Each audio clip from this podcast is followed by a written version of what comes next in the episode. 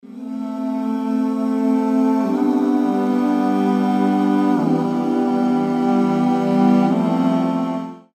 لله الحمد لله الحمد لله نحمده ونستعينه ونستغفره ونتوب إليه.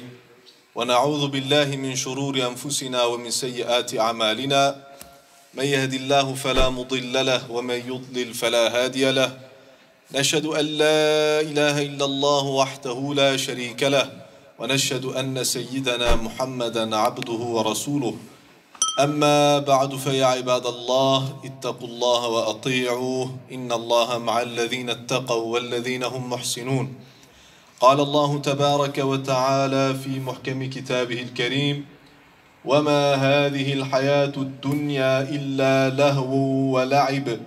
وإن الدار الآخرة لهي الحيوان. لو كانوا يعلمون صدق الله العظيم Allah subhanahu wa ta'ala openbaart in de Koran. وَمَا هَذِهِ الْحَيَاةُ الدُّنْيَا Dit wereldse leven dat jullie kennen is niks anders dan wat? إِلَّا لَهْوٌ وَلَعِبٌ Het is leeg vermaak en het is la'ib. La'ib, spel. Allah subhanahu wa ta'ala openbaart hier niet hayatul dunya, maar el hayatul dunya. Is na'at man'oud. Het dunya komt van deni, betekent minderwaardig. Dus el hayatul dunya, het minderwaardige leven. Je kan vertalen als wereldse leven, maar je kan ook zeggen minderwaardige leven. Er zit geen waarde in, zegt Allah subhanahu wa ta'ala. En het is niets anders dan leeg vermaak. Lehu betekent nutteloze dingen, nutteloze handelingen. Dit wereldse leven is dat. Wala'ib en spel, kinderspel. Kinderspel, zie je? andere geleerden zeggen betekent la'ib al-atfal. Dus slijm en speeksel, van kinderen. Zo minderwaardig, wereldse leven. Jullie kijken daar zo uh, met volle ogen naar. Jullie geven zoveel waarde aan uh, het wereldse leven. Allah subhanahu wa ta'ala zegt is waardeloos, wereldse leven. Zie je? Wa inna dar al-akhirata. Maar ja Rabbi, wereldse leven is waardeloos. Wat moeten we dan doen? Wat is dan belangrijk voor ons? Nu zegt Allah subhanahu wa ta'ala. Maar het hiernamaals lahiya al-hayawan. Dat is het echte leven. Het werkelijke leven is het leven na de dood, zegt Allah subhanahu wa ta'ala. Hij zegt niet hayat. Waarom? Hayawan is ook masdar van hayya. Masdar is infinitief, maar wordt gebruikt voor iets wat heel levendig is. Zit benadrukking in. Is intensiever dan hayat. Hetzelfde betekenis, maar intensiever. Hayawan. Zie Allah subhanahu wa ta'ala noemt het hier namaals zo laukanu ya'lamun. Maar wisten ze dat maar. Deze mensen begrijpen dat niet. Ze begrijpen niet dat hier kortstondig is, dat hier tijdelijk is, dat hier waardeloos is. Dat hier alles vergaat, het blijft niet. Maar hier namaas, die is eeuwig. Hoe kan je dat vergelijken met het wereldse leven? Het is onmogelijk die vergelijking. Daarom profeet sallallahu alayhi wasallam heeft gezegd. Als iemand dood is, drie dingen volgen hem. Als, als de janaza wordt gebracht naar het graf, naar de begrafenisplaats, drie dingen volgen hem. Ahluhu wa maluhu wa amaluhu. Zijn gezin, familie, zie je? zijn eigendom, zijn geld, zijn auto, zijn huis.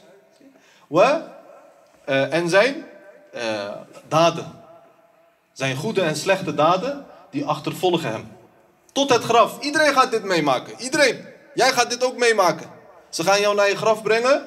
Deze drie dingen komen met jou mee. Maar wat gebeurt er daarna? Nu, je moet kijken naar het einde. Het einde is belangrijk. Twee gaan terug. ويبقى واحد eentje blijft. Yarji'u ahluhu wa maluhu. Familie gaat terug. Jouw moeder hield heel erg veel van jou. Jouw vrouw hield heel erg veel van jou. Jouw kinderen respecteerden jou. Zij gaan allemaal weg. Ze gaan jou onder de grond begraven. Zij gaan weg. Wa maluhu. Je eigendom waar je zoveel van hield.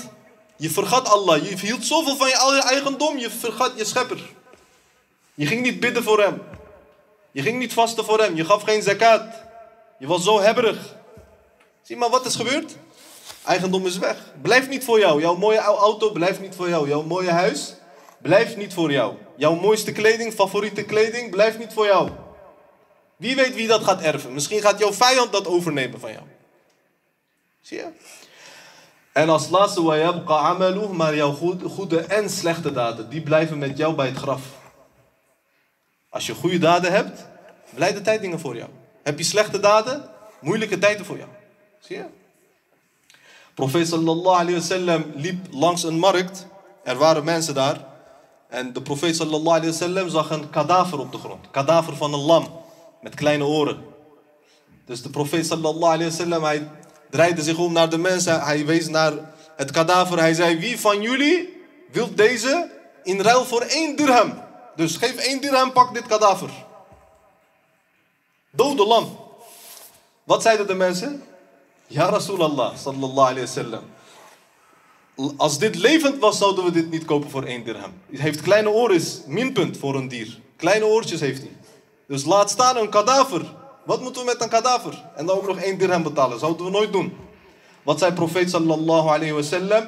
Fawallahi, bij Allah, let dunya ahwanu ala Allahi min hadha alaykum. Dit is toch minder waardig voor jullie? Dit wereldse leven is minder waardiger. Veel meer minder waard dan uh, dat voor jullie. Zo is dit minder waard. Wereldse leven is minder waard voor Allah subhanahu wa ta'ala. Veel meer dan dat zelfs. Profeet sallallahu alayhi wa sallam heeft geopenbaard. Uh, gezegd. Yadkhulul fuqarahul jannah. De arme mensen die komen in het paradijs. Qabla al Voor de rijke mensen. Je bent nu toch verdrietig? Je kan geen dure auto's kopen. Je kan geen mooie huizen. Geen dure kleding. Je bent verdrietig nu. Maar eigenlijk als je deze hadith zou horen, je gelooft hierin, je accepteert de profeet, je bevestigt hem, sallallahu alayhi wasallam, je moet juist blij worden. Want profeet sallallahu alayhi wasallam zegt, arme mensen gaan eerder in het paradijs dan de rijken. Hoe lang? Bi khamsi mi'ati am. 500 jaar. Dat is voor Allah is halve dag. Dus voor het hiernamaals, Yom al-Qiyamah, is dat halve dag eigenlijk. Waarom? Daar is één dag, vergeleken met hier, duizend jaar. Dus 500 jaar, halve dag. Waarom gaan rijke mensen later het paradijs in? Moslimrijke mensen. Waarom? Omdat ze die halve dag, 500 jaar, worden ze ondervraagd over hun eigendom. Van waar heb je verdiend? Waar heb je gehaald? Voor wat heb je uitgegeven? Heb je zakat goed betaald tot aan de centen? Zie je? Profeet sallallahu alayhi wasallam heeft ook daarom gezegd: Ma min ghaniyin wala faqirin. Iedereen Illa wadda yawm al-qiyamati annahu utiya min ad-dunya quta. Iedereen gaat yawm al-qiyamah zeggen, hadden wij maar proviant. Dus jouw boterham is genoeg. Had ik maar niet zoveel vlees, zoveel eten, zoveel groentes, vruchten, nootjes. Zo'n groot huis, zo'n mooie auto. Zo'n mooie kledingen, zoveel geld, zoveel winkels. Had ik maar één proviant. Een stuk brood waarmee ik, waarmee ik de dag omver kan gooien. Was dat maar zo. Iedereen gaat zo denken, Yom al-Qiyamah. Zie je, subhanallah.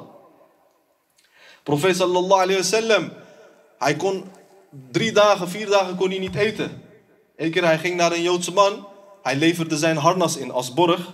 Heeft hij van hem brood gekregen, voedsel heeft hij van hem gepakt. Bij een Joodse man, Joodse handelaar. Zie je? En toen profeet sallallahu alayhi wa sallam, kijk de beste der schepping. Toen hij overleed sallallahu alayhi wa sallam, uh, zijn harnas lag als borg bij de Joodse man. Toen profeet overleed, sallallahu alaihi wasallam. Zie, dit is de beste der schepping. Maar waarom kijk jij terug? Waarom kijk je om naar het wereldse leven? Allah subhanahu wa ta'ala zegt is waardeloos. Profeet sallallahu wasallam heeft geen waarde geschonken aan de wereld, aan het wereldse leven. Maar waarom zijn wij zo geworden? Voor 1 cent wij vergeten Allah. Voor 10 euro wij kunnen Allah vergeten. Wallahi, dit is zo. Ik heb met mijn eigen ogen gezien, eigen oren gehoord. Mensen voor geld, ze vergeten Allah, ze laten het gebed. Ze stoppen met kennis. Subhanallah. Zie je? Profeet sallallahu alaihi hij at altijd op de grond. Ze brachten eten, alle metgezellen overleverden dit. Wanneer er eten werd gebracht bij de profeet sallallahu alaihi hij ging altijd zitten. Hij pakte het eten, hij legde op de grond, hij ging zittend eten. Wat zei hij toen? Hij zegt, ik ben slaaf van Allah, ik ben slaaf, ik ben een knecht.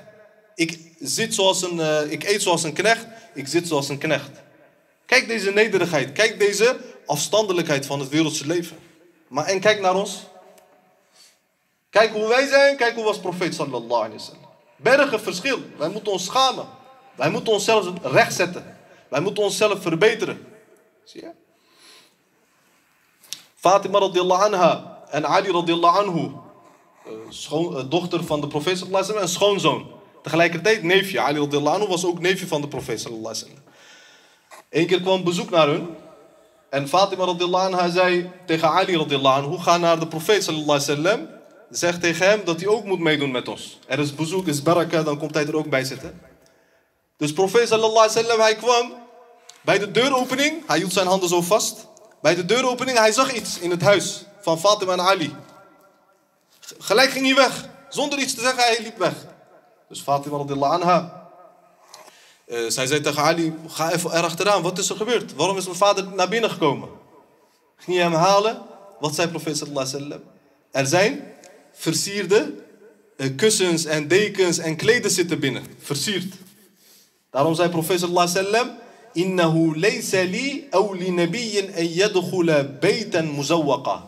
Het is niet geschikt voor mij of voor een andere profeet om in een versierd huis te komen.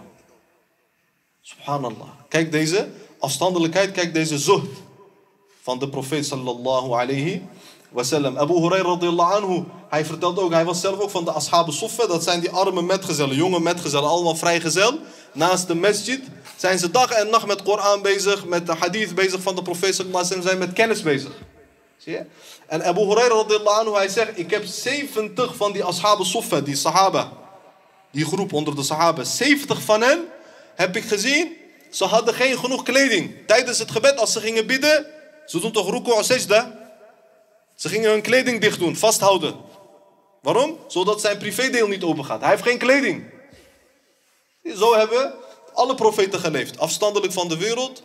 Eh, metgezellen hebben ook zo geleefd. Geleefd, radiyallahu anhum ajma'in. En inshallah is het aan ons ook om ons leven te veranderen. Conform deze vrome, nobele mensen. ألا إن أحسن الكلام وأبلغ النظام كلام الله الملك العزيز العلام كما قال الله تبارك وتعالى في الكلام وإذا قرئ القرآن فاستمعوا له وانصتوا لعلكم ترحمون.